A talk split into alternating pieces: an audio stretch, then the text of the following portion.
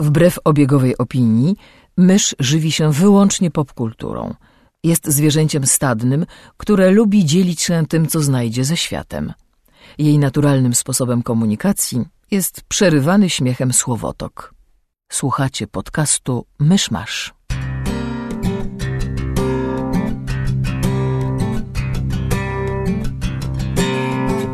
Gospodarzami podcastu Myszmasz są Krzysiek Ceran, redaktor portalu Avalon. Kamil Borek ze studia Kobart. i Mysz, autorka bloga Mysza Mówi. Drodzy słuchacze, jest poniedziałek, 14 lipca 2014 roku. Rocznica szturmu na Bastylię. Vive la France! Vive la révolution! Liberté, fraternité, egalité, tego no. Nie znam francuskiego. Zapraszamy, no, that's your line. A, zapraszamy do sześciu. O, wow! Aha. Zapraszamy do 65 odcinka podcastu Mysz Masz. Gratulacje, udało nam się jakoś przebrnąć. Podoba mi się początek tego odcinka. Słuchajcie, ja w zeszłym tygodniu się przeprowadzałem, w tym tygodniu głównie oprowadzałem po Warszawie znajomą z zagranicy, więc a, ten odcinek w wasze ręce. My z kolei, żeby była równowaga w przyrodzie, postanowiliśmy w tym tygodniu wyjątkowo dopisać popkulturowo, więc E? Mieliśmy bardzo ambitny mamy tydzień. dużo do powiedzenia. No to popiszcie się. E, dobrze, to ja może zacznę tak e, książkowo. Mianowicie skończyłam czytać książkę pod tytułem Graceling e, autorki Kristen Cashore. Cashore? Cashore? E, książka jest wydana po polsku, oczywiście nie pamiętam jaki ma tytuł, bo po co. E, natomiast byłam bardzo mile e, zaskoczona, jak to zwykle bywa, kiedy sięgam po e, gatunek Young Adult Fantasy, bo zazwyczaj sięgam po niego z duszą na ramieniu i spodziewam się raczej e, rzeczy złych niż dobrych, więc jak już jest dobrze, to jestem mile zaskoczona.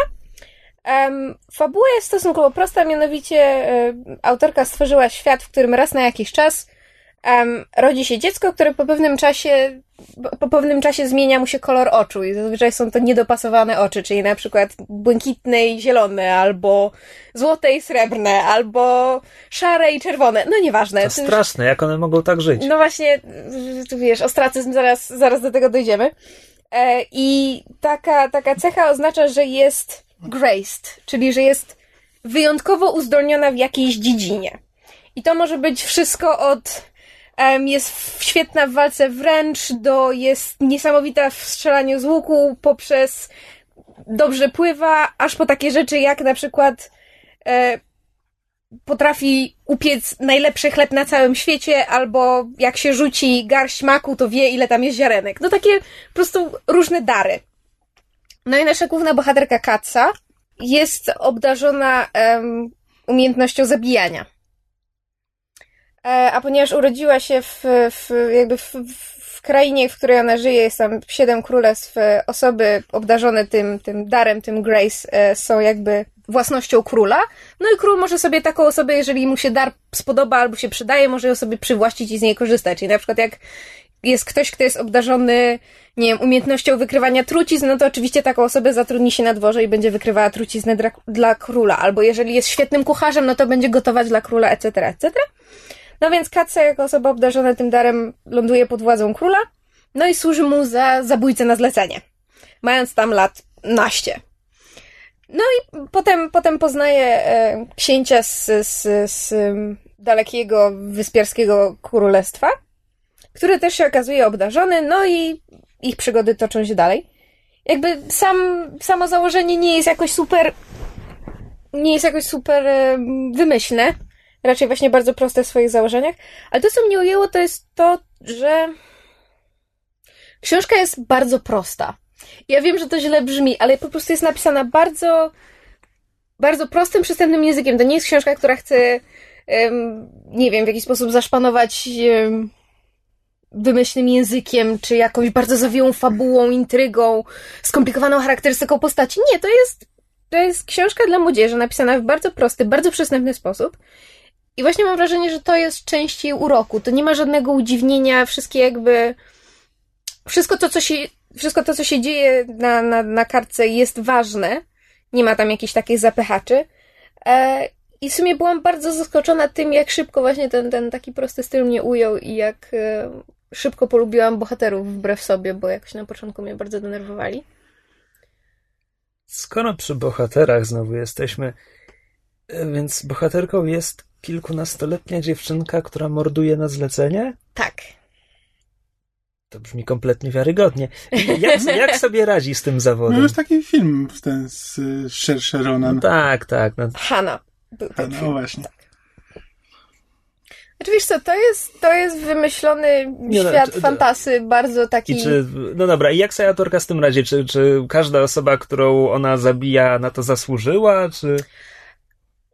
Widzisz, tak naprawdę e, powiedziane jest, że jej darem jest zabijanie i A jakby... jeszcze nikogo nie zabiła. Nie, zabiła. Dowiadujemy się, że, że jakby w momencie, kiedy jej dar został odkryty, to przez przypadek zabiła swojego kuzyna. Ale jakby na to nie patrzeć, kuzyn się do niej przystawiał, więc jakby miała No powód. tak, jego wina. Tak, jego wina. E, no i.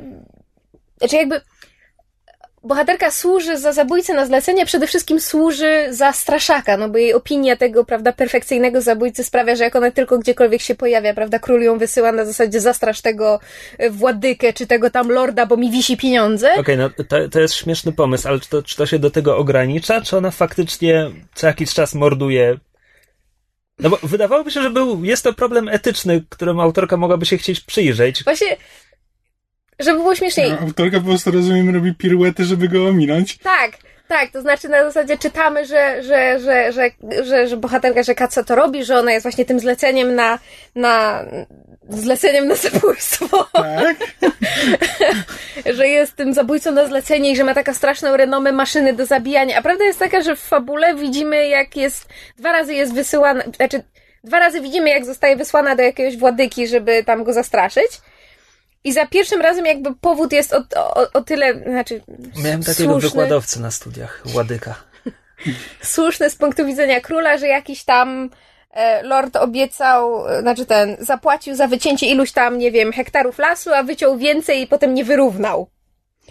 No ale Kaco jedzie, jedzie go postraszyć i ma mu tam, nie wiem, połamać palce, czy złamać nogę, w każdym razie zrobić mu bubu, ale się rozmyśla i tego nie robi. A potem za drugim razem, jak ją gdzieś wysyłają, to już totalnie widać, że król ostro przeszarżował, że po prostu e, robi coś, znaczy ten, wydaje rozkaz, żeby, żeby tylko komuś nabruzić właściwie bez powodu, no i wtedy już Kaca się totalnie buntuje, jakby tu następuje em, zawiązanie akcji. Jeszcze jakieś pytania? Czyli ona jednak nie zabija. Em, Potem w fabule niestety musi. E, To, co mi się spodobało, to jest to, że autorka, bo to jest jej debiut, e, bardzo moim zdaniem sprytnie ominęła temat walki. To znaczy, już, już nawet pomijając to, że Kace jakby bardzo niewiele osób, biorąc pod uwagę swój talent, zabija, ale to, że autorka ominęła kompletnie jakieś, wiesz, zawiłe, skomplikowane zapisy tego, jak ona walczy, że tu zaszła go z lewej, wiesz, odwinęła się, wyciągnęła sztylet, zamarkowała z prawej, zrobiła zwód, obrót, unik. Nie, to jest na zasadzie, Ka- Kaca podeszła i go znokautowała. Koniec. I tak po prostu przez kolejnych przeciwników przechodzi. Jakoś strasznie mi się spodobało to takie na zasadzie, a chrzanić te wszystkie opisy, po prostu go znokautowała. Tyle, jest taka zajebista, że może. No E- dobra, i komu byś to poleciła? Jak większość książek, które polecam w podcaście, myślę, jeżeli ktoś lubi czytać young adult novels tak jak ja, albo nie przeszkadza mu prosta, nieskomplikowana, ale w sumie dość sympatyczna fantastyka, to czemu nie? Zwłaszcza, że książka e, jakby była bardzo chwalona, wygrała parę nagród, ma parę nominacji do, do naprawdę prestiżowych nagród. Em, I jest jak na serię fantasy bardzo krótka, bo ma tylko trzy tomy. Z czego drugi jest em, To nie seria, to trylogia, chyba że będą kolejne. w sumie nie wiem, ale na razie wyszły tylko trzy, co je- jest dość e, dużym ewenementem, jak, jak na właśnie ten, ten gatunek, bo tam jednak książki wychodzą hurtem i to niemalże dwie na rok. Bywa i tak. Mm, I obecnie jestem w jednej trzeciej drugiego tomu i nadal bardzo mi się podoba. To znaczy, jak na ten gatunek naprawdę mogło być gorzej, a jest całkiem spoko. I to może tyle, żeby już nie przedłużać. Nie chciałem się przerwać w trakcie, ale czy bohaterka to się nie powinna czytać kaca? Bo Anglicy TS często zapisują twarde słowiańskie C. Bardzo możliwe. I ja, biorąc pod uwagę, że ja nawet w Sapkowskim niektóre, wiesz, imiona źle czytam, bo właśnie nie czytam ich po polsku, tylko po amerykańsku, to równie dobrze tutaj mogę czytać źle, bo nie, czytam po polsku, a nie po, wiesz, po tam brytyjsku, czy po jakiemu. Zresztą z imionami fantazy to nigdy nie wiadomo. Równie dobrze to się może wy, wymawiać, wiesz. No, wiesz, inwencja twórców na pstrym koniu i tak Zresztą dalej. To jest e, w grze o tron. Ja mam wrażenie, że e, Tywin Lannister, jak się po raz pierwszy pojawił, to mówił o rodzie Tyrellów e, Tyrell. A potem w, w ostatnim sezonie zaczął na nich mówić już Tyrell. Tak jak reszta świata. Tak, e, nie, dobra, mniejsza o to. Ale skoro jesteśmy w temacie Young Adult, to ja przesłuchałem w końcu e, audiobooka Ready Player One. Audiobooka w wersji jakby oryginalnej, e, czytanej przez Willa Wheatona. E, I może tak, naj- najpierw parę słów o samej produkcji. Jakby Will Wheaton się bardzo dobrze sprawdza. Znaczy to jest e, jakby mm, Wheaton jest geekiem pełną gębą, więc jakby dobrze sobie radzi z nawiązaniami. Jak tam są w książce są momenty, gdzie są wręcz cytowane całe fragmenty filmów, to czyta to nawet z taką intonacją jak, to, jak w filmach i zna, zna doskonale em, realia i wie, wie co czyta wie o czym czyta. E, więc był dobrym wyborem. Nie jest to może wybitny aktor, e, więc tam są momenty, gdzie e, sceny, które powinny być trochę bardziej, nie wiem, podniosłe albo emocjonalne, trochę, em, trochę są spłaszczone, ale, ale to są raczej, to są raczej wyjątki. Bardzo, bardzo przyjemnie mi się go słuchało i zasadniczo radził sobie dobrze z tą, e, z tą materią. Czy on w ogóle jest jeszcze aktorem czynnym? Tak, no tam pogrywa. Że on się, on się jako on sam pojawia, z E. tego co wiem, najczęściej. Najczęściej tak. On, on teraz przeszedł po prostu c- do internetu. On po prostu tr- produkuje dla YouTube'a, ma swój kanał. E, Znaczy teraz powstał to The Will Wheaton Project, jest, jest em, prowadzącym autorskiego programu typu The Soup, czy inne, wiesz, komentarz ten, zabawny komentarz tygodnia, tylko że takiego z bardziej geekowskiego punktu widzenia. Ja nawet obejrzałam jeden odcinek, ale to jest... Chyba nie jestem targetem, bo po prostu dla mnie to było żałosne, a nie spodziewałam się, bo jednak darzę Willa Wheatona bardzo dużą sympatią, uważam go za całkiem sensownego, inteligentnego człowieka i za fellow geeka. Jakoś spodziewałam się więcej. No ale może... Nie oglądałaś Star Treka w dzieciństwie, prawda? Nie, akurat nie, ale, ale znam, tak, ten Wesley Crusher, to wszystko wiem, ale jakby, no nie wiem, spodziewałam się więcej. Ale jakby, tak, wybitny aktor to to nie jest, ale ma, ma sporo uroku. tak, jakby mówię, to jest na tyle dobry materiał dobrany pod niego, że, że sobie dobrze, dobrze jakoś radzi. No właśnie, a jak sam materiał? No to też jest ważne. Bo Znaczy ja, tak, ja się nie mogę tej książki nachwalić. No właśnie, to jest bo, e, słowem wstępu, mysz mnie namawiała do przeczytania tej książki od jakiegoś roku albo i dłużej. Dłużej.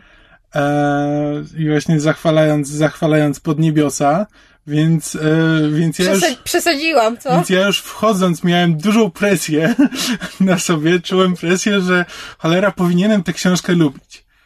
A przez pierwsze trzy godziny słuchania jej nienawidziłem.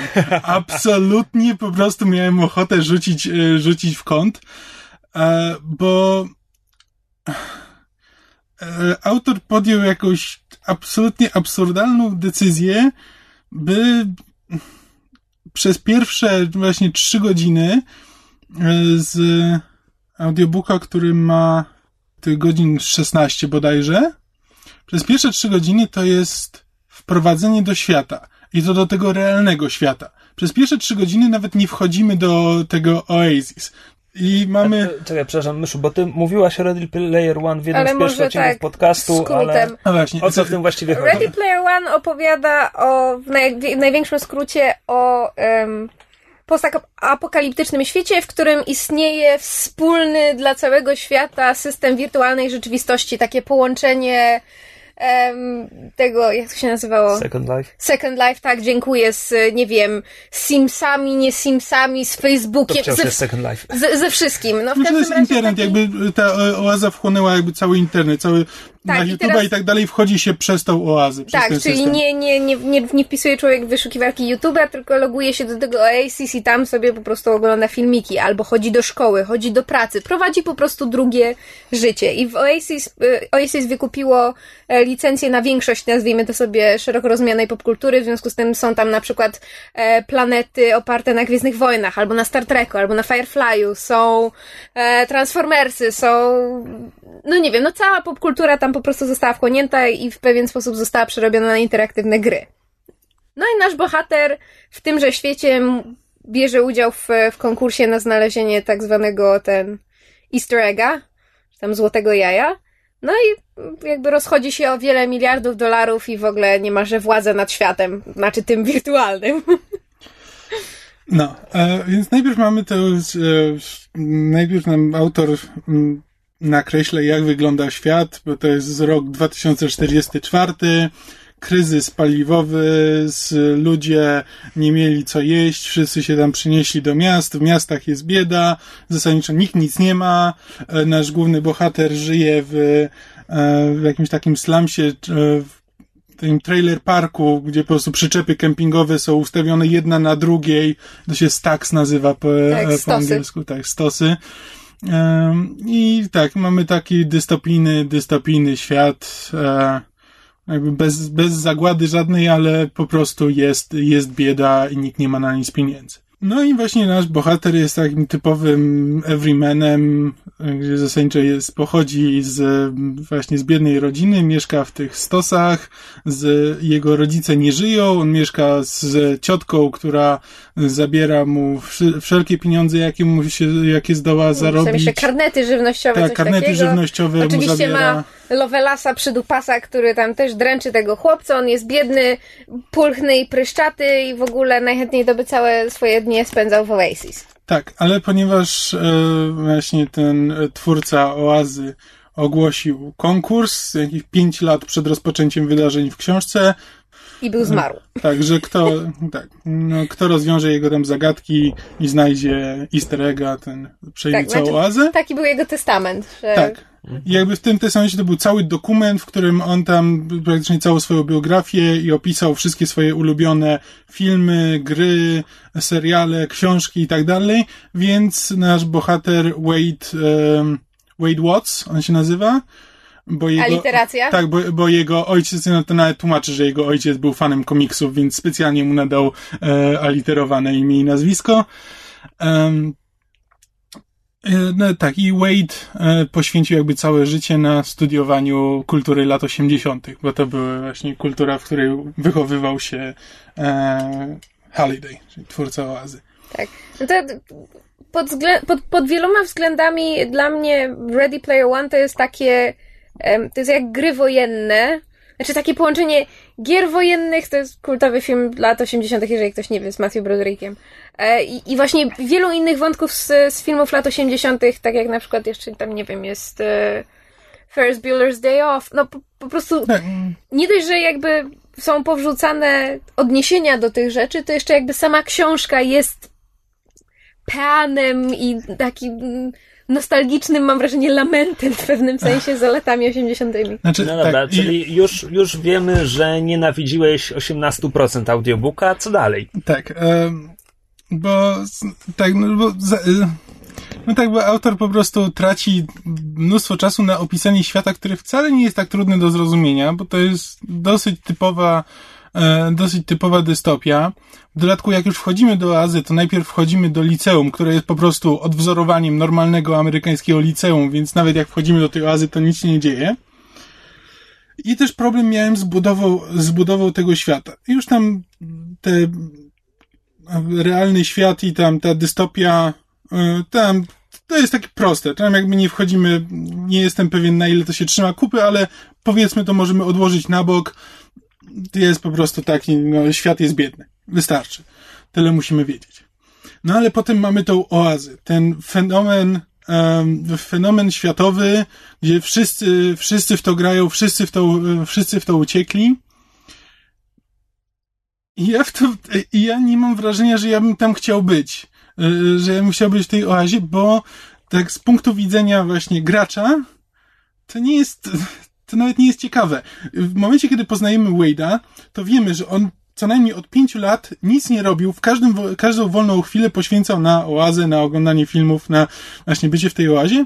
I on zaczyna na trzecim poziomie, y, z podstawowym podkoszulkiem i z, i spodniami. Nie ma nic. E, bo nie, bo nie stać go na to, żeby wyjść z pierwszego sektora. Który jest darmowy jakby. Tak, że to jest jedyny darmowy i potem, żeby w ogóle się przenieść gdzieś, to trzeba zapłacić. Można kupować przedmioty od tam różnych, różnych firm, które je tworzą. Albo zabijać. Znaczy, no to jest po prostu, to je, ma, ma zasady działania gry. To znaczy, można kupować pewne rzeczy, można chodzić na misje, można zabijać e, NPC-ów, można zdobywać pedeki, bronie, wszystko. Ale, ale, ale, ale. Kupować za walutę gry czy prawdziwą? Znaczy, to Jedno jest i to jedno samo. i to samo, bo waluta, waluta gry po prostu stała się, stała się bardziej stabilna od e, walut e, e, Rozumiesz? realnych. Kryzys ekonomiczny, tak, tak, rozumiesz? że jakby ponieważ wszyscy pracują w oazie to e, i żyją praktycznie tam na co dzień, to jakby ta waluta stała się, stała się realną, realną walutą e, świata. I jakby, Przepraszam, jeszcze pytanie techniczne. Jak wygląda, jaki jest interfejs Oazy? Czy to są jakieś hełmy e, wirtualnej ta, znaczy to jest cały, cały kombin, znaczy tam zależy, e, są różne albo, Najprostsza rzecz to jest wizir i rękawice. tak, a tam potem jeszcze dochodzą, to się haptic suit nazywa, nie wiem jak to po polsku było przetłumaczone. Naprawdę jest wizja internetu z lat 80. E, Gdzie tak, gdzie masz cały strój i tam możesz, e, możesz całym sobą sterować. Um, I e, no i tak, jakby już na tym poziomie, no to jeśli możesz przez pięć lat grać i nie wyjść nawet z pierwszego sektora i nie mieć, gdzie nie ma nic do roboty, gdzie możesz chodzić do szkoły i tyle, i nie możesz nawet zabić, jemu tam udało się osiągnąć trzeci poziom, bo tam się z kim ktoś go zabrał do jakiegoś innego sektora i potem questa. przywiózł, tak, na questa i przywiózł ze sobą, no to znaczy, że t, t- no to, to nie jest, inter, to nawet nie jest, to jest gorsze od internetu, bo to nie jest tak egalitarne, szczególnie, że jakby podstawą tego jest e, jeszcze walka z tak zwanymi Sixerami. E, Sixers to są, nie wiem jak to po polsku mogło się nazywać. E, Czy nie Nie, tak, bo ja czytałam polskie tłumaczenie, to była pierwsza wersja, którą przeczytałam, ale już teraz nie pamiętam oczywiście. Razie to są, to jest cała korporacja, która właśnie zajmuje się szukaniem tego, szukaniem tego ja. Znaczy Bo oni oni to chcą tworzą... przejąć kontrolę nad Oasis. Chcą Tak. zdobyć ten, wygrać ten konkurs, przez to staną się, zgodnie z testamentem Więc, Holiday'a, e, właścicielami Oasis. A Więc obecni zarządcy Oasis wyznaczyli ich innym na przeciwników? Czy... E, Co? Nie, to jakby tam w Oazie masz różne korporacje, które mogą tam tworzyć swoje przedmioty i tam je sprzedawać. Nie jestem pewien, jak to działa do końca. Sam nie, nie do końca zrozumiałem, e, w- na jakim, na czym to IOI, ta korporacja zarabia. No oni, oni są tam, nie, nie pamiętam czy, czy... Oni chyba są dostarczycielem większości internetu. A tak, to też. Czyli są firmą internet jest w tym momencie częścią Oasis. Znaczy... Nie, Oasis jest częścią internetu chyba. Wiesz co? Nie zadawaj takich pytań, to za trudne. No właśnie, ja tutaj sam, sam nie do końca właśnie zrozumiałem, jak Read to the działa. fucking book! No, czekaj, czekaj, ale ty, jeżeli, ty ją czytałeś dwa razy, tak? Po polsku i po angielsku. Tak. E, Kamil właśnie skończył słuchać audiobooka i żadne z was nie jest mi w stanie odpowiedzieć na takie pytanie. No to coś jest nie tak chyba. No, jest jakaś korporacja, w która tam sobie zarabia na czymś tam w tym internecie, jest jedną z największych korporacji. Wydaje mi się, że oni tworzą różne przedmioty, jakby tworzą tam części z, części tego świata, a poza tym dostarczają internet. Nie, nie wiem. No nie dobra, okej, prawda. już sam mówiłeś, że Em. budowanie tego świata w książce leży, więc przejdźmy dalej. No ale właśnie tak, i to są, y, i oni zatrudniają całą rzeszę ludzi, którzy właśnie mają się zajmować szukaniem tego, tego wielkanocnego jaja. E, żeby wygrać, żeby wygrać konkurs. I jakby to jest walka między tymi Gunters, czyli Egg Hunters, e, e, którzy są tam samotnymi wilkami i szukają każdy, każdy na własną rękę i ta wielka korporacja, która jakby wbrew idei całego konkursu jakby po prostu mm, zindustrializowała całe, y, całe te poszukiwania. I tutaj też jest, też jest z, z punktu widzenia logiki dla mnie du- duży problem, bo jest napisane, że to działa jak trochę jak armia, że ta firma, te IOI zapewnia swoim pracownikom jakiś tam etat, e, wikti opierunek, e, jakieś tam, jakieś tam pieniądze. E, I jeśli ktoś e, z pracowników znajdzie to jajo, to przepisuje całe prawa na IOI, na tą firmę. No i to jest rzeczywiście dobry sposób, żeby przyciągnąć ludzi, dać im pieniądze i tak dalej. Tylko, że ci pracownicy nie powinni mieć żadnej motywacji, żeby to jajko znaleźć. Bo oni, oni powinni mieć motywację do tego, żeby po prostu cały czas go szukać, ale nigdy go tak naprawdę nie znaleźć. To, to, to jest Złośliwa logiczne. ta logika, tak. wszystkiego się czeka. Dokładnie, no to jest, tak, to, to jest problem logiczny, no ale też powiedzmy sobie, tam jest to jest bardzo opresyjna, opresyjna korporacja. Może rzeczywiście ludzie się tak boją, że, że rzeczywiście szukają czegoś. No i tak, e, no, no, tylko, że ponieważ właśnie jest tak, że jeśli nie masz pieniędzy, to wchodząc do tej oazy i tak jesteś nikim, no to, e, to ta idea tej oazy, o którą walczą ci ganterzy e, z, z tą złą korporacją, jakby mi się rozpada. No bo no bo o co oni mają walczyć? O świat, w którym y, są takimi samymi, takim samym nikim jak, w, jak w realu. E, stać ich dokładnie na to samo, co, na co mogłoby ich być stać w świecie rzeczywistym. E, no dobra, czyli pierwszych 18% książki nienawidziłeś, teraz wygląda na to, że następne 40 ci się nie bardzo podobało. E, nie, nie, to, to jest, to cały, cały czas mówię, to nie, cały czas mówię o Kamil, pierwszych, pierwszych Kamilowi wrażeniach. Się, Kamilowi się bardzo podobała cała książka, tylko te szczegóły są takie nie do końca. E, zaraz, zaraz dojdę, zaraz dojdę do, do tego. Um, You're ruining my book! E, z punktu widzenia game designu też mam zastrzeżenia, bo na przykład już tam nie będę wchodził w całą masę szczegółów, bo co jakiś czas miałem takie wrażenie, że oh fuck off, to nie powinno tak działać. Gdzie jest w którymś momencie e, nasz bohater spotyka tam e, dziewczynę, mm, rywalizują o tam pierwsze, pierwszy klucz do bramy. I ona go I tam jest wytłumaczone, że ponieważ ona jest tam na jakimś tam, nie wiem, 55 poziomie, a on jest na trzecim poziomie, ona rzuca na niego zaklęcie bariery i go unieruchamia. Na 15 minut. Co w grze jest po prostu nie do pomyślenia, że możesz przez 15 minut ktoś, wiesz, jakiś z 50 jakiś inny gracz może cię unieruchomić na ćwierć godziny.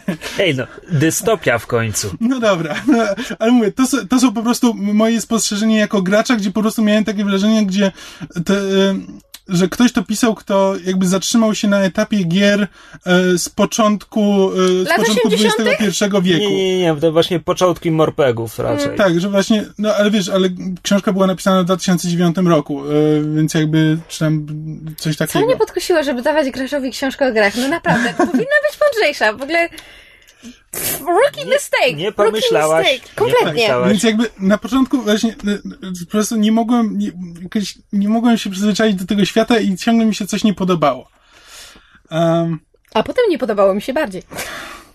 Nie, a potem e, potem zaczęło się już, potem już wyszliśmy do oazy i zaczęliśmy się po tej oazie poruszać i z, przemieszczać się do różnych światów, e, na właśnie coraz więcej, coraz więcej porównań. E, I tak doszedłem do wniosku, że tak trochę w sumie źle to czytam, bo to tak naprawdę ta książka to jest taki geek porno, e, gdzie masz mhm. nawiązania, nawiązania do wszystkiego, co mogłeś w życiu kochać e, z popkultury.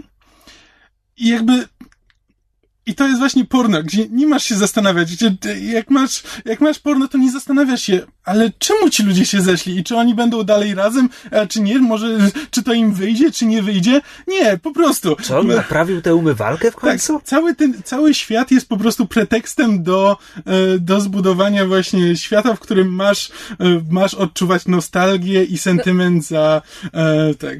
Na to jest całe określenie, to jest tak zwany PWP, porn without plot, bo jest wbrew pozorom porn with plot, tak. ale jednego z drugim mylić nie należy. Ja się trochę zgadzam, to jest, ktoś to bardzo ładnie określił, już nie pamiętam oczywiście, nie pamiętam kto, ale to, to, to było tak zwane onanizowanie się gikostwem. Ja się z tym zgadzam, but it's very fun.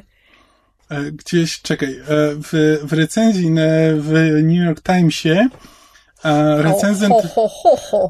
recenzent, recenzent to ujął, że jakby ten świat, ta książka jest, gdyby arcade'owa maszyna i Gwiezdne Wojny miały syna i wychowały go w Azerow. Mniej więcej coś takiego. I to jest mniej więcej na takim poziomie, to jest po prostu na każdym, na każdym etapie masz po prostu robić, o ja to znam, o ja to lubię. E, e, I tak robiła mysz przez całą książkę. e, tak, i, i pod tym względem, jak już się człowiek jakby przyzwyczai, szczególnie, że potem jak już te, te, ten takie niezręczne wprowadzenie do tego świata już minie, to robi się, to robi się ciekawie, jakby tak, pod względem językowym, no to nie znajdziesz tam. To jest napisane, książka napisana jest bardzo prostym językiem, e, nie, nie, nie będziesz tego czytał dla, e, dla stylu. E, część rozwiązań fabularnych e, jest przewidywalna, część nie, więc tak e, zasadniczo, zasadniczo nie jest źle. No ale tak, ale jakby mm, moc nostalgii jest w nim silna. E, Po prostu jakby jest, jest w tej książce coś takiego, że e, ta suma, suma jej części, że jakby ogólny efekt jest większy niż suma jej części. Um, jakby ostatecznie, ostatecznie skończyłem to z dosyć, z dosyć pozytywnym, e, pozytywnym wrażeniem. Mm, Choć nie jestem w stanie logicznie wytłumaczyć czemu. I to jest, to jest tego typu książka. Sukces! Teraz tylko Krzysiek musi przeczytać tę książkę i do, dorzucić swoją pulę narzekań. The, Chcesz przez to przechodzić? the circle will be complete. Nie, śmieję się. Może kiedyś. Nie, po prostu Nie, ja jest, mam... Jeśli ktoś ma jakby tendencję do nostalgii, to właśnie tak jak mysz, to, e, to na pewno mu się to spodoba. Jeśli ktoś, e, jeśli ktoś nie podchodzi do tego w ten sposób, właśnie jeśli nawiązania nie robią na nim wrażenia, to, z, to nie znajdzie tam wiele dla siebie. Ja właśnie tak miałem gdzieś tam po środku, że jakby nie, nie, nie jestem aż tak hura optymistyczny jak, jak mysz na przykład. Nigdy nie miałem takich reakcji, że na zasadzie nie, e, szczególnie, że na, jeśli wiem, że ta książka jest nastawiona na, na nawiązania i też jedno, co mam jej do zarzucenia, to, że przynajmniej na początku, potem już jest trochę lepiej, ale też właśnie na początku e, to nie jest tak, że masz szukać nawiązań. E, Autor ci mówi, że e, on tam powiedział to i to, tak jak bohater filmu tego i tego. E, Masz, masz po prostu nawiązanie i od razu wytłumaczone skąd ono pochodzi. Potem jakby im dalej się w to zagłębiamy, tym tych nawiązań, te nawiązania są trochę subtelniejsze i nie, tak, nie, nie podane na tacy. E, ale tak, ale mówię, to ksio- książka ma bardzo trudny początek. Nie wiem czemu, to bardzo ciężko mi się było nie, przez nią przebić na początku, ale właśnie jak już człowiek jakby zaakceptuje, e, na czym ta książka polega i czym tak naprawdę jest, to może, może się przy niej dobrze bawić.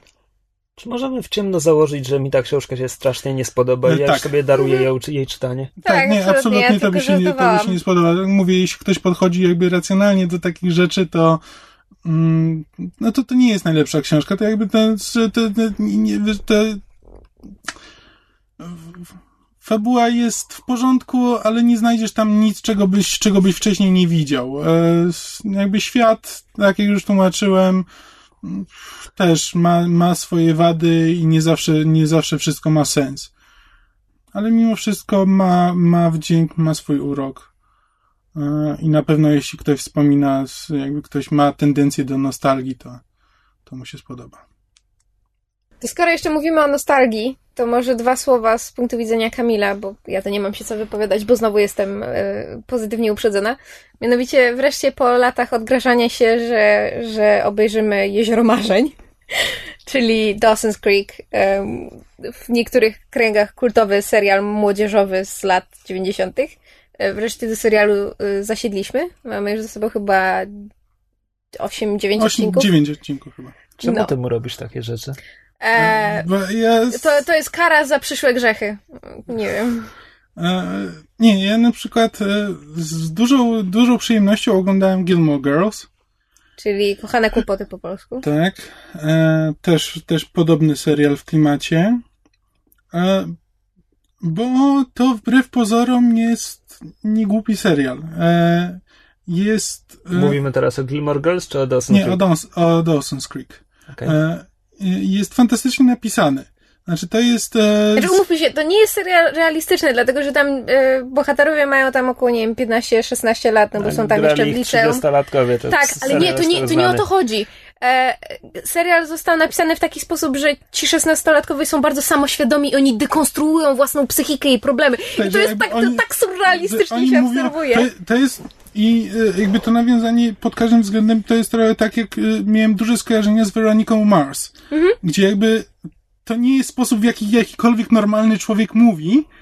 E, I tak samo u Jossa Whedona dokładnie, że oni są nad wiek rozwinięci, jeśli się ich posłucha, po czym podejmują decyzje takie, jak nastolatek by podjął, gdzie zastanawia się, mój Boże, debilu, co ty robisz, zastanów się nad swoim życiem. Tak, przed chwilą sam powiedziałeś, że to jest zła decyzja, to dlaczego podejmujesz tę złą decyzję? Tak, ale z, ale ma bardzo inteligentne dialogi, bardzo fajnie, bardzo fajnie napisane, bardzo dowcipnie napisane. Sporo odniesień do popkultury, bo E, Dawson, główny bohater, jest aspirującym filmowcem, więc on jakby całe swoje życie odnosi do filmów. Na pewnym etapie głównie Stevena Spielberga, bo To ma jakby e, ten fanatyczny, fana, f- fanatyczną miłością darzy Stevena Spielberga, ale potem to się jakby rozwija przez pozostałe sezony. E, tak, i jakby to, no, jeśli ktoś na przykład oglądał Gilmore Girls i uważał, że to był fajny serial, e, to, to to też mu się spodoba i jakby, mm, znaczy, no nie namawiam nikogo, kto twierdzi, że to jest, że o mój Boże, z, e, teenage drama, e, to jakby to pewnie go to nie przekona, ale jeśli ktoś na przykład właśnie oglądał Weronikę Mars i na przykład e, e, pomijając jakby warstwę kryminalną, jakby tam relacje między postaciami, e, oglądanie tych relacji sprawiało mu przyjemność, to, to jesteśmy na mniej więcej podobnym poziomie. No, zwłaszcza, że tam jakby główna czwórka obsady jest e, jakby znajoma, to nie są, prawda, obce twarze, których człowiek nie rozpoznaje, tylko tam w obsadzie jest James Van Der Beek w głównej roli, który jest jakby, znaczy jest znany głównie z tego, że grał w tym serialu, a jest Katie Holmes, młodziutka, jest Michelle Williams i jest Joshua Jackson, czyli całkiem, całkiem niczego sobie obsada. Znam Holmes Williams, a ci dwaj to nie wiem. Joshua to. Jackson to Fringe. był Peter z Fringe- z Fringe'a. A, Z Fridge'a. Z Fringe'a, tak. Um, nie, no i jakby nie, nie polecam jakoś bardzo gorąco, bo jakby przeciwników nie przekona prawdopodobnie, ale No to też nie jest serial dla każdego, no mówmy się, dokładnie. trąci myszką, pun intended. Tak, ale, ale można obejrzeć nawet z, e, całkiem dużo, dużo przyjemności. I jeszcze tylko wspomnę przy okazji, bo to też jakby jest, w, ponieważ testuję teraz Netflixa, to też przy okazji postanowiłem wrócić do Family Guy'a, którego już nie oglądałem tam od ósmego sezonu, a teraz jest bodajże trzynasty i nadganiam. I ten serial, można powiedzieć, że jakby nieźle sobie radzi e, z upływem czasu, Mm, gdzie jakby już pamiętam, że oglądając właśnie ósmy, ósmy sezon, to już miałem tak trochę wrażenie, że e, już gonią w piętkę i nie wiedzą, co mają, co mają zrobić. Po czym właśnie tak na wysokości dziewiątego, dziesiątego sezonu mm, znajdują, znajdują całkiem interesujące sposoby e, na to, żeby, żeby ten serial się nie nudził i żeby zrobić coś innego niż, e, niż do tej pory.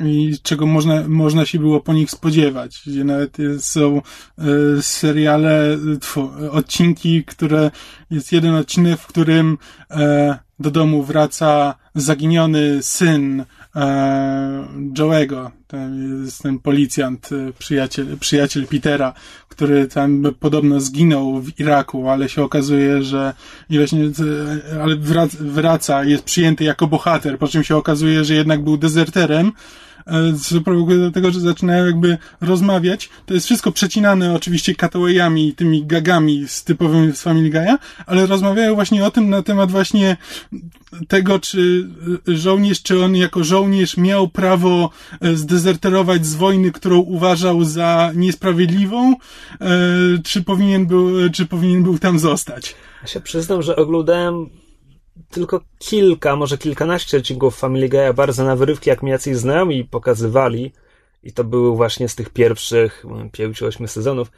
I ten serial nigdy nie robił na mnie wrażenia, że on choćby stara się być na tyle inteligentny, jak to, co Bo on opisujesz. nigdy nie był. Właśnie mówię, że to, to był, no, przez pierwszy, właśnie na początku to były po prostu taka zgrywa y, i zżynka trochę z Simpsonów i to po prostu miało być głupie, absurdalne i taki humor. I teraz, ale jakby, ponieważ już mam wrażenie, że twórcy zdali sobie sprawę, że nie da się tego ciągnąć przez, y, przez ponad 10 lat i niczego nie zmienić, y, już mają na tyle jakby y, pozycję ukształtowaną, że jakby nie grozi im to, że z dnia na dzień mogą, mogą im usunąć ten serial, to jakby pozwalają sobie na trochę więcej.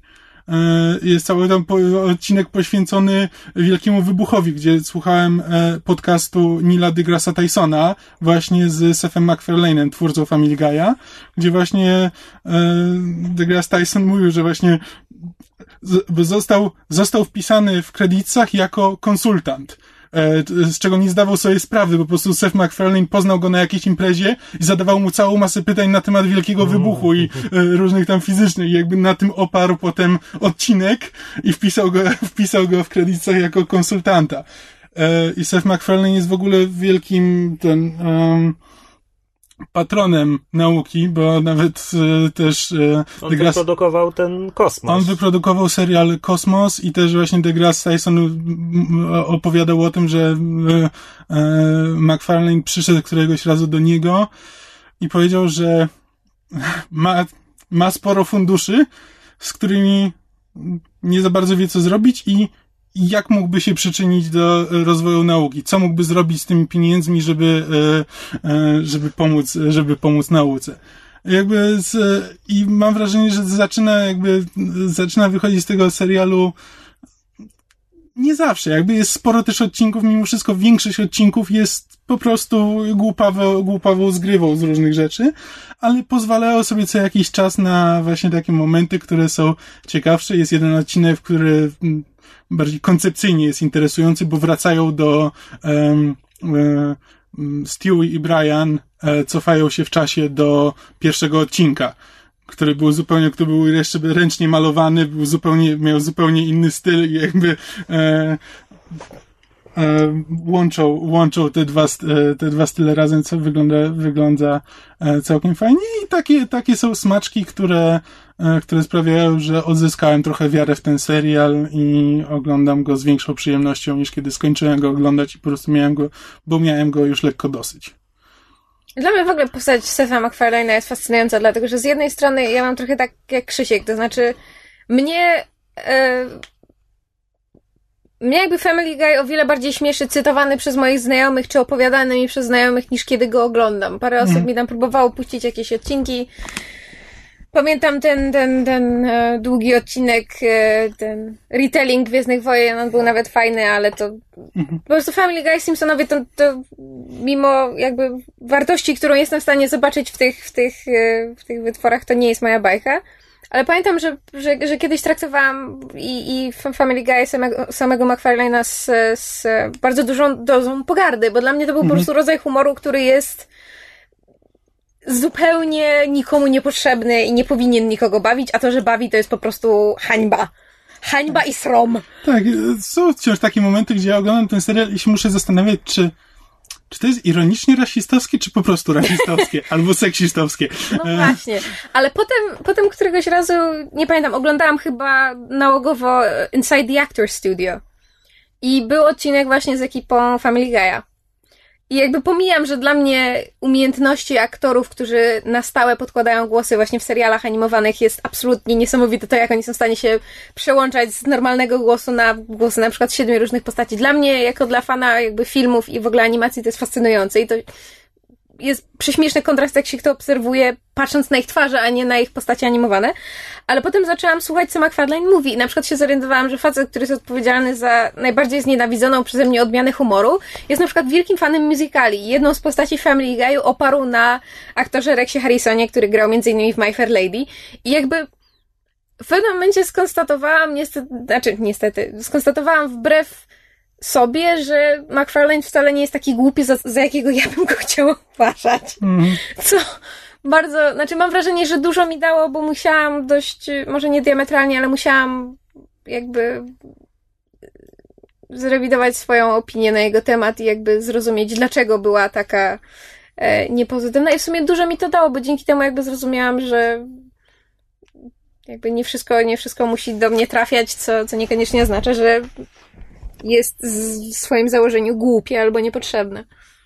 Mm, To jak, jak opowiadałaś o tych aktorach, to mi się przypomniało, że e, on był, e, tak, J- John DiMaggio, e, który podkładał głos pod Bendera i tam całą, e, całą masę innych postaci w różnych kreskówkach. Oryginalny generał Grievous E, w kreskówce Tartakowskiego. I w tym e, w Adventure Time e, gra tego Psa. psa. Mm. Oraz Joker z Batman Under the Red Hood.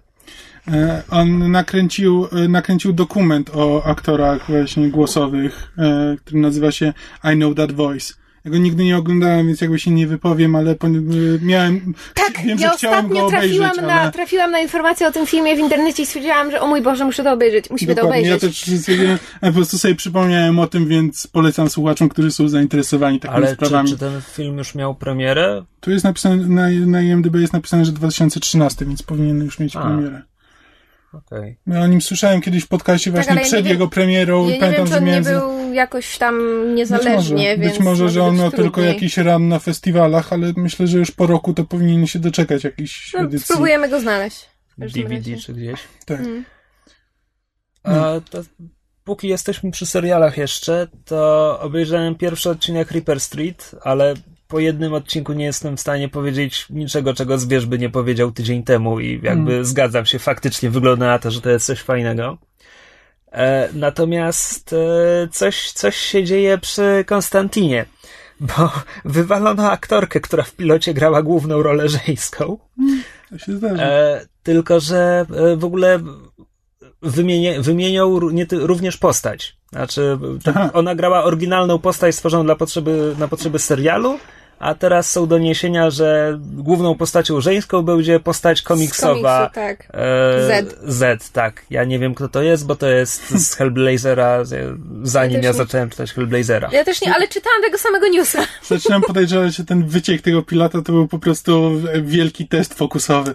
Y, Znaczy, ja jestem głęboko przeświadczony, że, że to był kontrolowany wyciek. Nie wiem, nie wiem, czy właśnie sprawdzano, czy nie wiem, internet polubi aktorkę. Ja do niej nic nie miałem, ale no mia- miał. No dobra, nie mam żadnych informacji, żeby to potwierdzić, czy coś, po prostu mówię. Takie mam przeczucie, że, Mhm. że to było wszystko ukartowane. No ale ciekaw jestem, jak to wpłynie na serial. No i czy teraz, czy ten wyciągnięty pilot to wciąż będzie pierwszy odcinek tego serialu i czy to fabularnie uzasadnią, czy ta postać zginie w pierwszej minucie drugiego odcinka? Nie wiem. Pożyjemy, zobaczymy. No to co to za maratony, że na trzech filmach byliście? E, to znaczy tak, na, na pierwszym byliśmy, ponieważ e, ja niejako miałam psi obowiązek e, na niego pójść i o nim napisać, co jest o tyle śmieszne, że nadal się nie zabrałam za napisanie o nim. Ha, ha, ha, ha, ha. A potem poszliśmy na film, ponieważ Kamil dostał z pracy e, zaproszenia, a potem ja byłam tak zdegustowana z tym filmem, że powiedziałam, że nie, że ja go muszę odchorować, idziemy na inny film. I się okazało, że podjęliśmy bardzo dobrą decyzję, ale zacznijmy od początku. Najpierw poszliśmy z obowiązku na film Blended, czyli re- rodzinne rewolucje z To brzmi jak jakiś reality show. gorzej, z Adamem Sandlerem Oj! Tak, z Adamem Sandlerem i, Drew Barrymore. Drew Barrymore. I jak było? To znaczy tak, ja się nasłuchałam zresztą przed zeszłotygodniowym nagraniem bardzo złych rzeczy od zwierza, który również miał e, obowiązek się na ten film wybrać. E, I nasłuchałam się bardzo złych rzeczy pod tytułem w ogóle co to ma być i, i scenarzyści chyba siedzieli w pokoju i wymyślali co tylko im najgłupszego przyszło do głowy, a potem wchodził ktoś i mówił nie, wymyślmy coś jeszcze głupszego. I poszliśmy z Kamilem na, na, na ten film z bardzo dużą dozą niechęci i złego nastawienia, a wyszliśmy w sumie. E! Mogło być gorzej. To jest tak, że ten film się ogląda tak, że ktoś wziął całkiem przyjemną, sztampową, komed- rodzinną komedię romantyczną, po czym postanowił dopisać do niej głupią komedię. E, Z durnymi gagami, tak. obleśnymi żartami, no. E, tak, i jakby to e, e, szczególnie właśnie widać przez pierwsze tam pół filmu, e, to się szczególnie rzuca w oczy, potem jakby trochę z tym wyhamowują, skupiają po- się tak, bardziej na tym wątku, tym familijno, Tak. mi, miłosno-rodzinnym, nie wiem jak to nazwać. No. Tak, że pod koniec już się tak robi troszkę bardziej sentymentalnie, ale też znacznie łatwiej na tym wysiedzieć. Tak, no i jakby historia jest bardzo sztampowa, mianowicie postacie Drew Barrymore i Adama Sandlera spotykają się na randce w ciemno, oczywiście nienawiść od pierwszego wejrzenia, potem poznajemy bliżej ich bohaterów. Ona tam ma, ma własną firmę i dwójkę synów, e, ten ojciec jest out of the picture, tam zdradził ją i teraz oczywiście nie chce, nie chce się z tymi synami zajmować wyrodny ojciec. On z kolei Którego, którego zresztą gra Joel McHale. z community, z Community. tak, co bardzo Jeff, nas Jeff z Community. bardzo nas ujęło. A z kolei Adam Sandler to jest taki ten ojciec, y, że tak powiem, y, To jest ciapa taka trochę. tak, pracuje w sklepie z, ze sprzętem sportowym, ma trzy córki, wszystkie trzy ubiera w dresy i strzyże pod garnek W dodatku jedną z nich najmłodszą nazwał Espen. Po, od ESPN, tak, od swojego ulubionego kanału telewizyjnego. tak, a jego ulubioną miejscówką jest Hooters. Czyli e, nie wiem, czy nasi słuchacze znają amerykańską popkulturę na tyle, żeby wiedzieć o co chodzi. Hooters to jest taka amerykańska sieć knajp, gdzie kelnerki e, muszą mieć tam rozmiar miseczki przynajmniej, nie wiem, F, żeby być zatrudnione, chodzą w skąpych shortach, bluzkach z dekoltem i mają konkursy raz na tydzień mokrego podkoszulka. Nie do końca. I mają obowiązek flirtować z, z, ten, z patronami. Może w Alabamie te wymagania są mniejsze. My w Alabamie byliśmy w Hootersach, bo były akurat były koło, na, koło naszego motelu była restauracja Hooters, więc Aha. poszliśmy, poszliśmy tam wieczorem i Na mój skrzydełka. Boże, to było najbardziej depresyjne doświadczenie w moim życiu. No to niech tym bardziej świadczy o tym, że ulubioną miejscówką jednego z bohaterów filmu jest właśnie Hooters. No i jakby fortunnym, czy też niefortunnym zrządzeniem losu lądują obie te rodziny na wspólnych wakacjach w Afryce, w takim właśnie prawda, wypasionym ośrodku dla mieszanych rodzin, jak się potem okazuje, że to jest po prostu turnus dla mieszanych rodzin, czyli, prawda, tam z jakichś tam rozwodów, nierozwodów, adoptowane, przybrane dzieci, etc., etc. No i tutaj jakby też w związku z tym, że to się dzieje w Afryce, to mamy oczywiście obowiązkowe e, żarty z, e, e, prawda, z jakby takich właśnie ośrodków typowo skierowanych dla turystów, em, em, tak, mamy cały, czarnoskóra cały obsługa się po prostu, em, nie chcę powiedzieć poniża, ale bardzo gra na takich, prawda, em, nazwijmy to rdzennych em, jakichś takich nurtach i próbuje to wszystko strasznie, strasznie sprzedać. E, ale jakby Kamil ma rację, to jest po prostu, to jest bardzo sympatyczna, nieskomplikowana, sztampowa komedia rodzinno, nie wiem, romantyczna, do której ktoś bez sensu dopisał żarty o pierdzeniu i, o się jednoroż, jednorożcach. Zawsze to mówię, nosorożcach. Nie wiem dlaczego moim pierwszym instynktem jest jednorożec. O nosorożcach, przepraszam. No tak. No ale na film. No, nie mogę go polecić za jakimś wielkim. Ale Znaczy inaczej, jak na te gnioty, które Sa- Sandler jest w stanie wyprodukować, to naprawdę nie jest najgorsze, co, Tak. co, co było. Jeżeli ktoś widział... Umów, umówmy się, że to jest bardzo silna konkurencja. Oczywiście, że tak, ale jeżeli ktoś widział na przykład film e, z Sandlerem... Małe Niki. Cicho. Mm, Ja bardzo lubię Małego Niki, cicho będzie. Nie. Jeżeli ktoś widział film e, Click z Adamem Sandlerem, albo nie wiem, Grown Ups, jedynkę albo dwójkę, albo nawet to nieszczęsne, znaczy szczęsne, bo to jest jeden z jego na, w sumie najlepszych filmów, 51 lan- randek, które właśnie też... E, To ja myślałem, że wymieniamy złe filmy Adama Sandlera. nie, to były te właśnie dobre. Przestań mi przerywać! Cholera jasna, no. E, 51 randek to też był jakby film, w którym e, grał wspólnie z Drew Barrymore. Jeżeli ktoś widział te filmy i stwierdził, albo mu się spodobało, albo stwierdził, że eh, nie przeszkadzają mu, no to jeżeli, nie wiem, przypadkiem gdzieś trafi na te rodzinne rewolucje, albo ktoś go posadzi z pistoletem przy głowie i każe mu obejrzeć, to wierzcie mi, mogło być gorzej. Dobrze, to przejdźmy do kolejnego filmu. Kolejny film to jest film Frank z, Ma- e, z Michaelem A, z Fassbenderem. Tak. Z Fassbenderem w tekturowej głowie. Jak mu tam się zawsze zapominam. Donald Gleason. Donald Gleason. Nie Donald, Domhal. Ale to się Domo. nazywa Domal. No tak, ale powiedziałeś jak brzmi jak Donald. E, I Maggie Gyllenhaal. Przepraszam, Helen Hule. Jesteś z siebie dumna, prawda? Tak, tak. Bardzo dumna. Um, Znaczy, mysz była tym filmem zdegustowana. Och, strasznie. Ja nie mam aż tak negatywnych odczuć, ale też. Ale tak mi smutno, że jestem bardzo nim mało tak pozytywnych. zdegustowana. Ja słyszałem dobre rzeczy. No właśnie. On, on ma prawie same pozytywne opinie. E, On ma tam 83% na Rotten Tomatoes. I nawet jak jest jakiś Rotten Tomato rzucony, to wszyscy piszą na zasadzie, że to jest dziwny film, ale ma urok. I jest takie... No ja się, ja się po prostu, ja wychodząc z kina powiedziałam Kamilowi, że Kamil, słuchaj, ja się po prostu czuję głupia, ja najwyraźniej tego filmu kompletnie nie zrozumiałam, no bo nie widzę innego powodu, dla którego ten film mi się tak strasznie nie spodobał. Znaczy tak, ja też jakby nie, nie... On mi się w miarę nawet jakby klimatem podobał, do pewnego momentu przynajmniej. Końcówka moim zdaniem jakoś... Nie wiem. Znaczy prawdopodobnie ktoś mi teraz powie, że końcówka to jest właśnie to najlepsze, gdzie ten film właśnie nabiera powagi i I jest, nie wiem, słodko-gorzki, wzrusza i Zacznijmy od łamie tego, serce. o czym to jest. Ja wiem, bo czytałem i słyszałem, ale To jest film o, technicznie biorąc, o muzyce. Jest o młodym chłopaku, który chciałby być muzykiem, e, Ale i nie stara bardzo się, ma talent. Tak, ale sta, i stara się pisać piosenki, ale w ogóle jakby nic w życiu nie przeżył. E, Mieszka z rodzicami i w ogóle... tak, mieszka na przedmieściach z rodzicami i w ogóle nie ma o czym pisać. Tak, bo po prostu jakby nie ma, nie ma oryginalnej myśli w głowie i nie, nie, nie ma niczego do przekazania. E, I przypadkiem udaje mu się wkręcić na, bo spotyka zespół, który traci No klawiszowca. nieważne, przypadkiem Tak. mu się udaje wkręcić do zespołu. Tak. I jeden właśnie zespół się składa z samych właśnie wyrzutków społecznych. i dziwaków, a jego frontmanem jest facet w głowie z papiermasze, której nigdy nie zdejmuje. Czyli właśnie tytułowy Frank grany przez e, Michaela Fassbendera. Michaela Fassbendera, którego oczywiście trudno się dopatrzeć pod tąże głową. Tak jakby.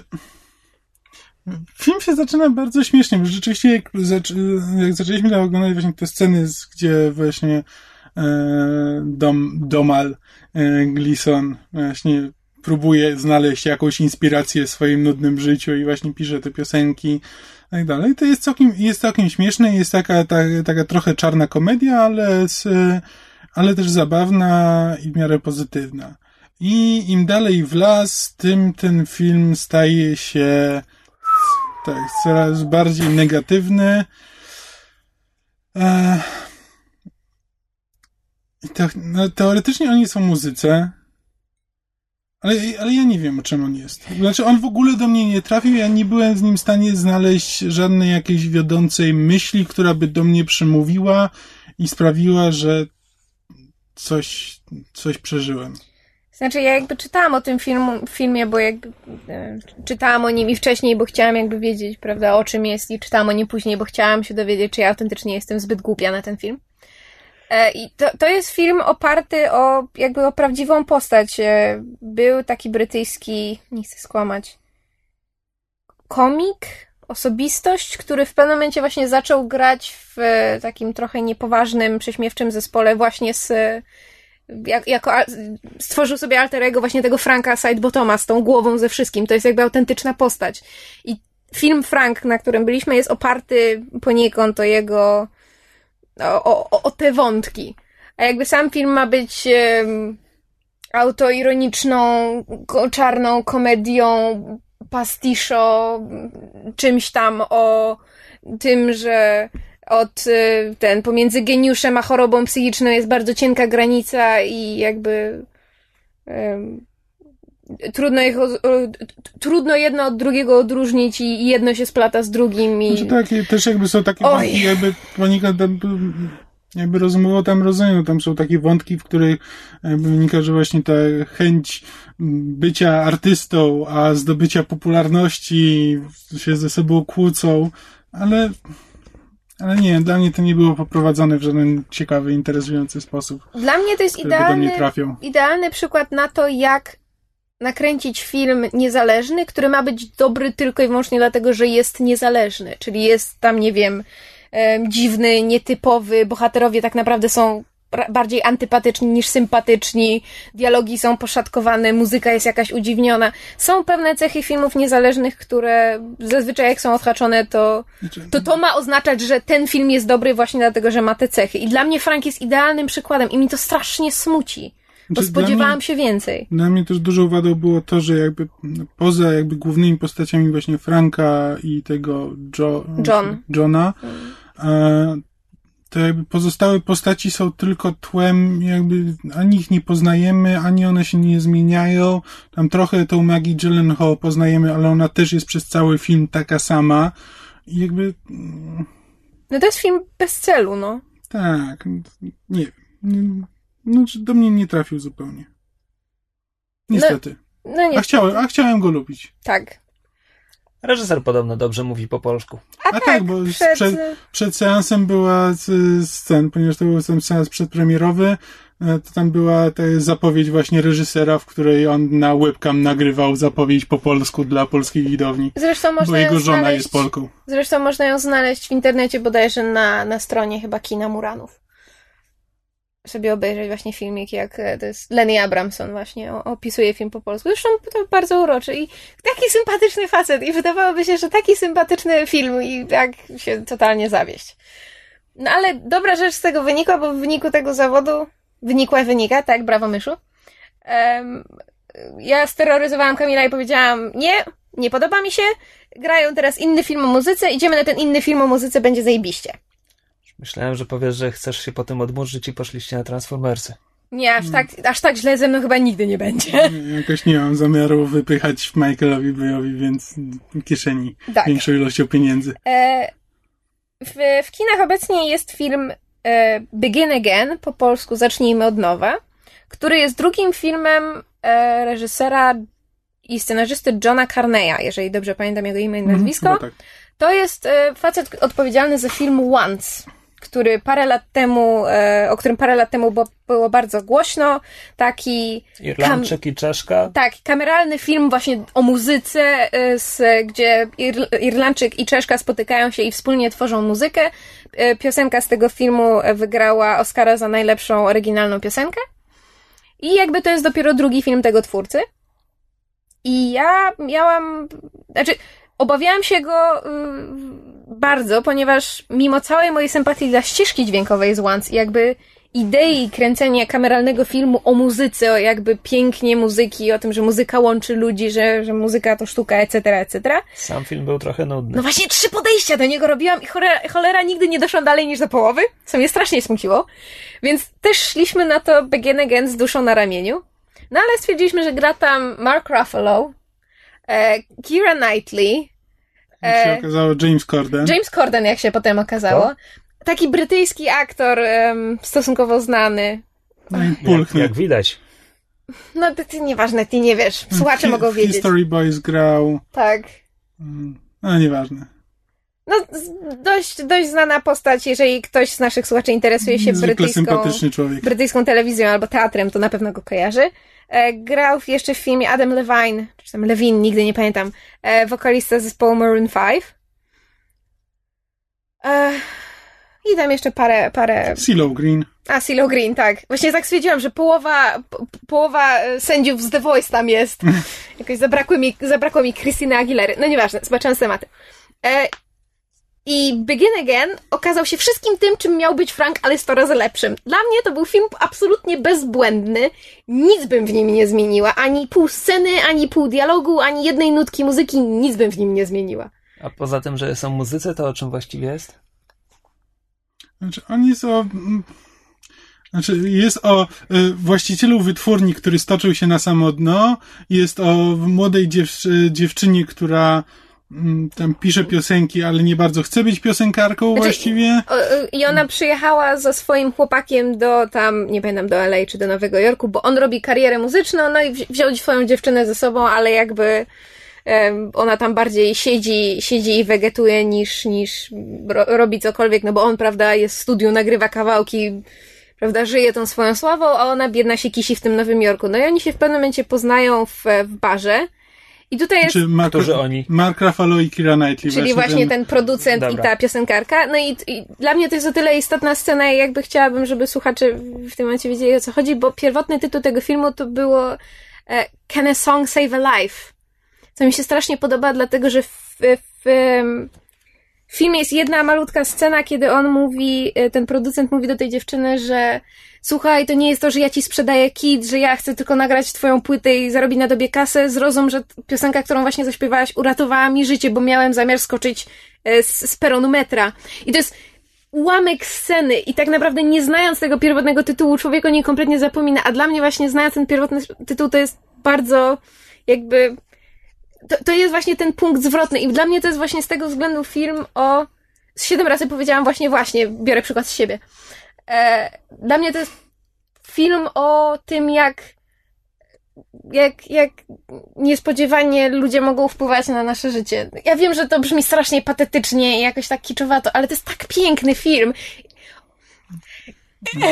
Ja zawsze tak, tak, ja zawsze tak Znaczy, mam, jak mi się coś bardzo podoba. Świetnie, świetnie napisany. Ma taką trochę poszatkowaną konstrukcję i to zarówno jakby w taki sposób zamierzony, jak i pewnie mniej zamierzony. Znaczy zamierzony jest taki, że jakby poznajemy tam najpierw, najpierw właśnie oglądamy Kira Knightley w barze, jak śpiewa tą piosenkę, potem dopiero dowiadujemy się, co było, co było z nią wcześniej, potem ona poznaje Marka Ruffalo, dowiadujemy się, co się działo z Markiem Ruffalo wcześniej. I jak on dopiero- na nią trafił w tym barze Tak, i i potem dopiero dopiero, wtedy z tego punktu historia się w miarę ciągnie, ale też są flashbacki, przebłyski.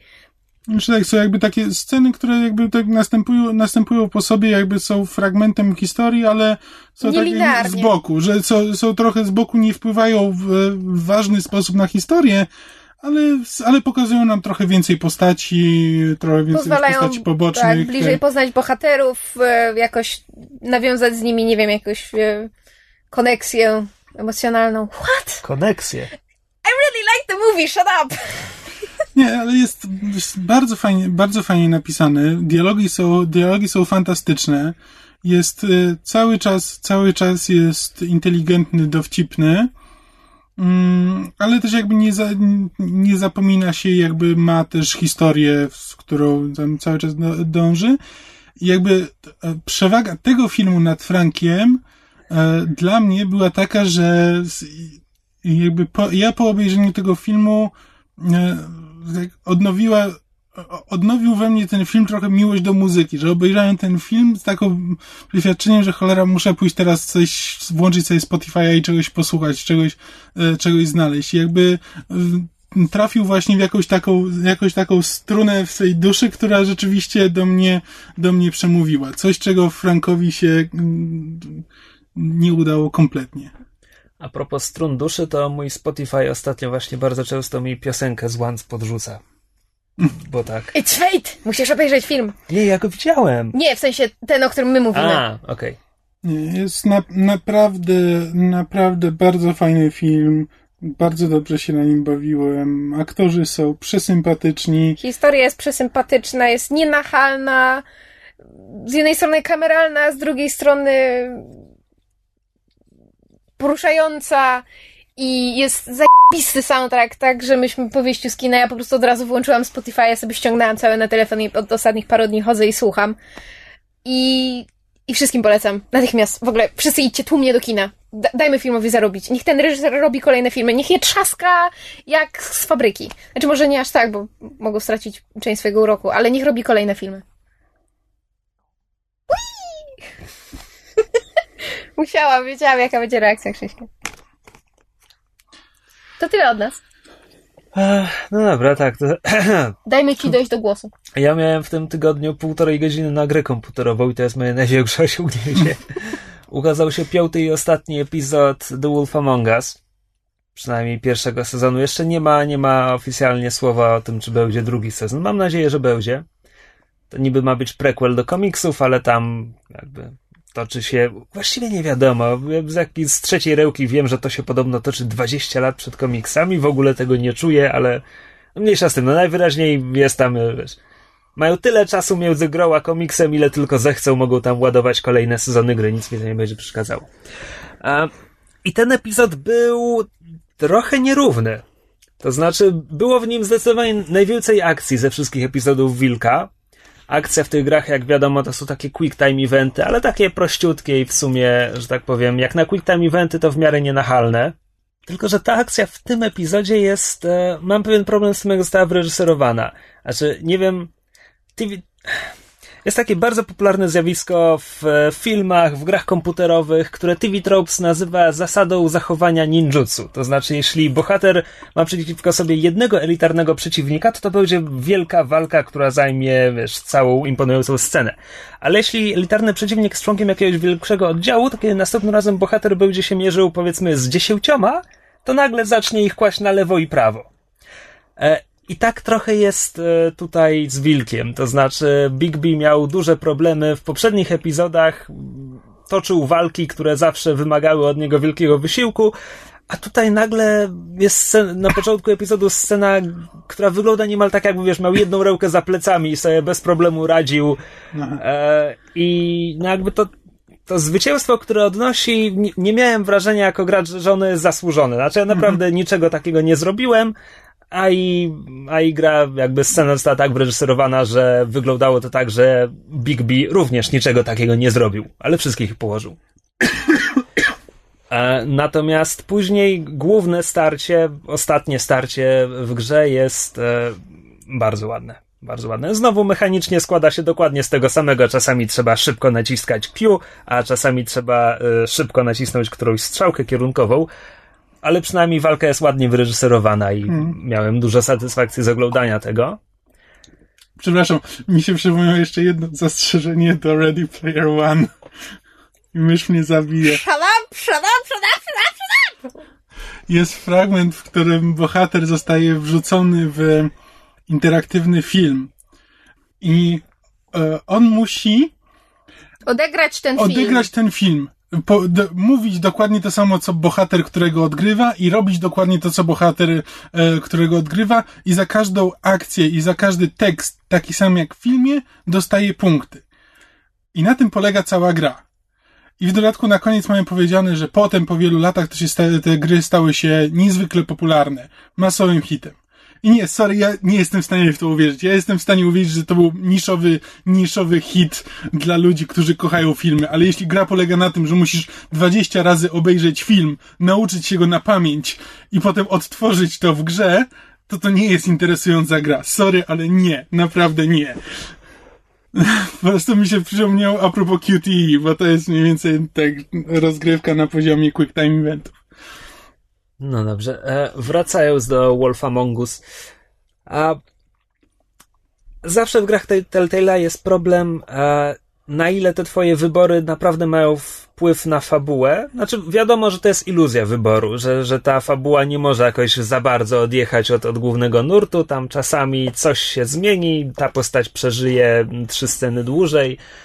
E, tylko zawsze chodzi o tę iluzję. Czy, czy ta iluzja jest taka, że, że ja wierzę, że moje decyzje napełdzają fabułę? I w Wilku zawsze były z tym problemy. Tak jak mówiłem parę epizodów temu, jak jest scena, gdzie Bigby kogoś przesłuchuje i tak naprawdę tego prawie palcem nie tknąłem, ale gra bardzo mi zarzucała, że te, te, tak czy inaczej został, został zjechany jak bura suka ten wilk. E, no, Mhm.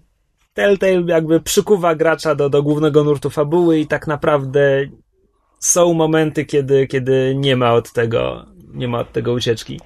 E, Tutaj w finale jest jedna decyzja, która, no ponieważ rozegrałem tylko raz ten epizod, więc nie wiem, co by się stało, e, gdybym wybrał inaczej, ale gra mi sugeruje, bo pod koniec są statystyki, ile procent graczy wybrało tak, a ile inaczej. Gra mi sugeruje, że finał gry, ostatnia scena, bardzo długa scena, wyglądałaby zupełnie inaczej.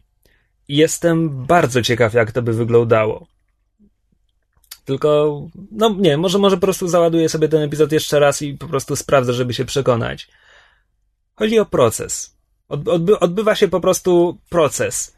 I wybór masz, czy głównego podejrzanego przyprowadzić na ten proces, czy tu, gdzie stoisz, teraz go no, zabić. I, i podobno jakby ten finał, ten proces właśnie dostosowuje się do tej decyzji. I nie mogę sobie wyobrazić, jakby to miało wyglądać, gdybym ja wybrał, żeby tę postać zabić w momencie, kiedy gra dawała mi ten wybór. No nie wiem, a może, a może to znowu tylko, wiesz, dym i lustra i tak naprawdę tam wcale tego wyboru nie ma i ostatecznie to i tak by wyglądało tak, jak wyglądało to u mnie. Ogólnie jestem zadowolony z tego finału.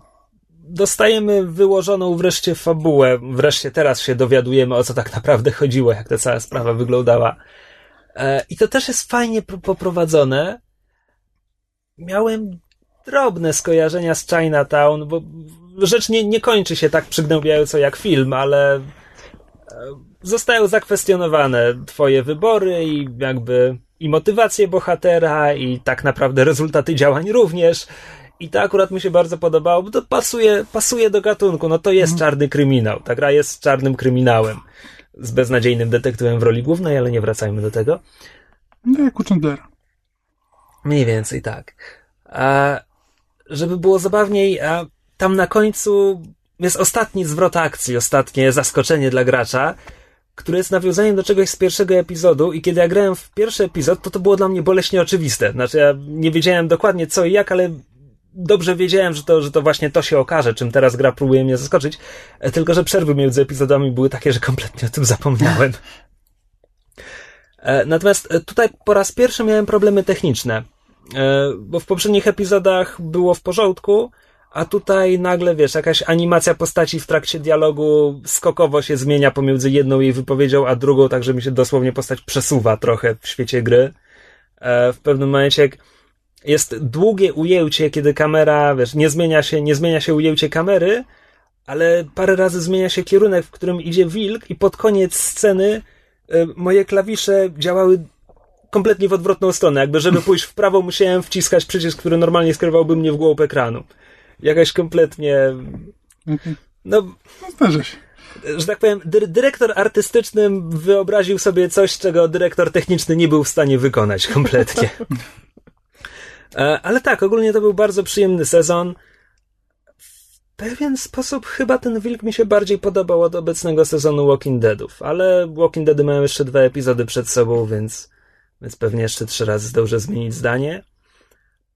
No i tak jak zawsze, kiedy rozmawiamy o Wolf Among Us, polecamy. Warto przeczytać przynajmniej jeden album komiksu Baśnie wcześniej. No i tyle. Tak. Forget no. it, Bigby. It's Fable Town. No tak, to tym optymistycznym akcentem zakończymy. W tym tygodniu jak zwykle zapraszamy na wszelkie nasze strony, Facebooki, Aski i tak dalej. Możecie wejść na myszmasz.pl, tam wszystko jest. To ja tam będę mówił. No, do zobaczenia za tydzień. Więcej szacunku do słuchaczy. Co to było? No ja mam dużo szacunku dla słuchaczy. Niech sobie sami znajdą. Wierzę w ich inteligencję. Nie muszę im wszystkiego podawać na tacy. Słuchaliście podcastu Myszmasz. Możecie nas znaleźć na myszmasz.pl lub polubić nasz fanpage na Facebooku. Możecie nam także wysłać maila na myszmaszpodcast.gmail.com Jeśli do nas napiszecie, będziemy szczęśliwi jak kapucynka w pantalonach. Zaczynamy? Tak. Nighttime? Daytime! Nighttime is the right time for making love. Ladies and gentlemen, Barry White.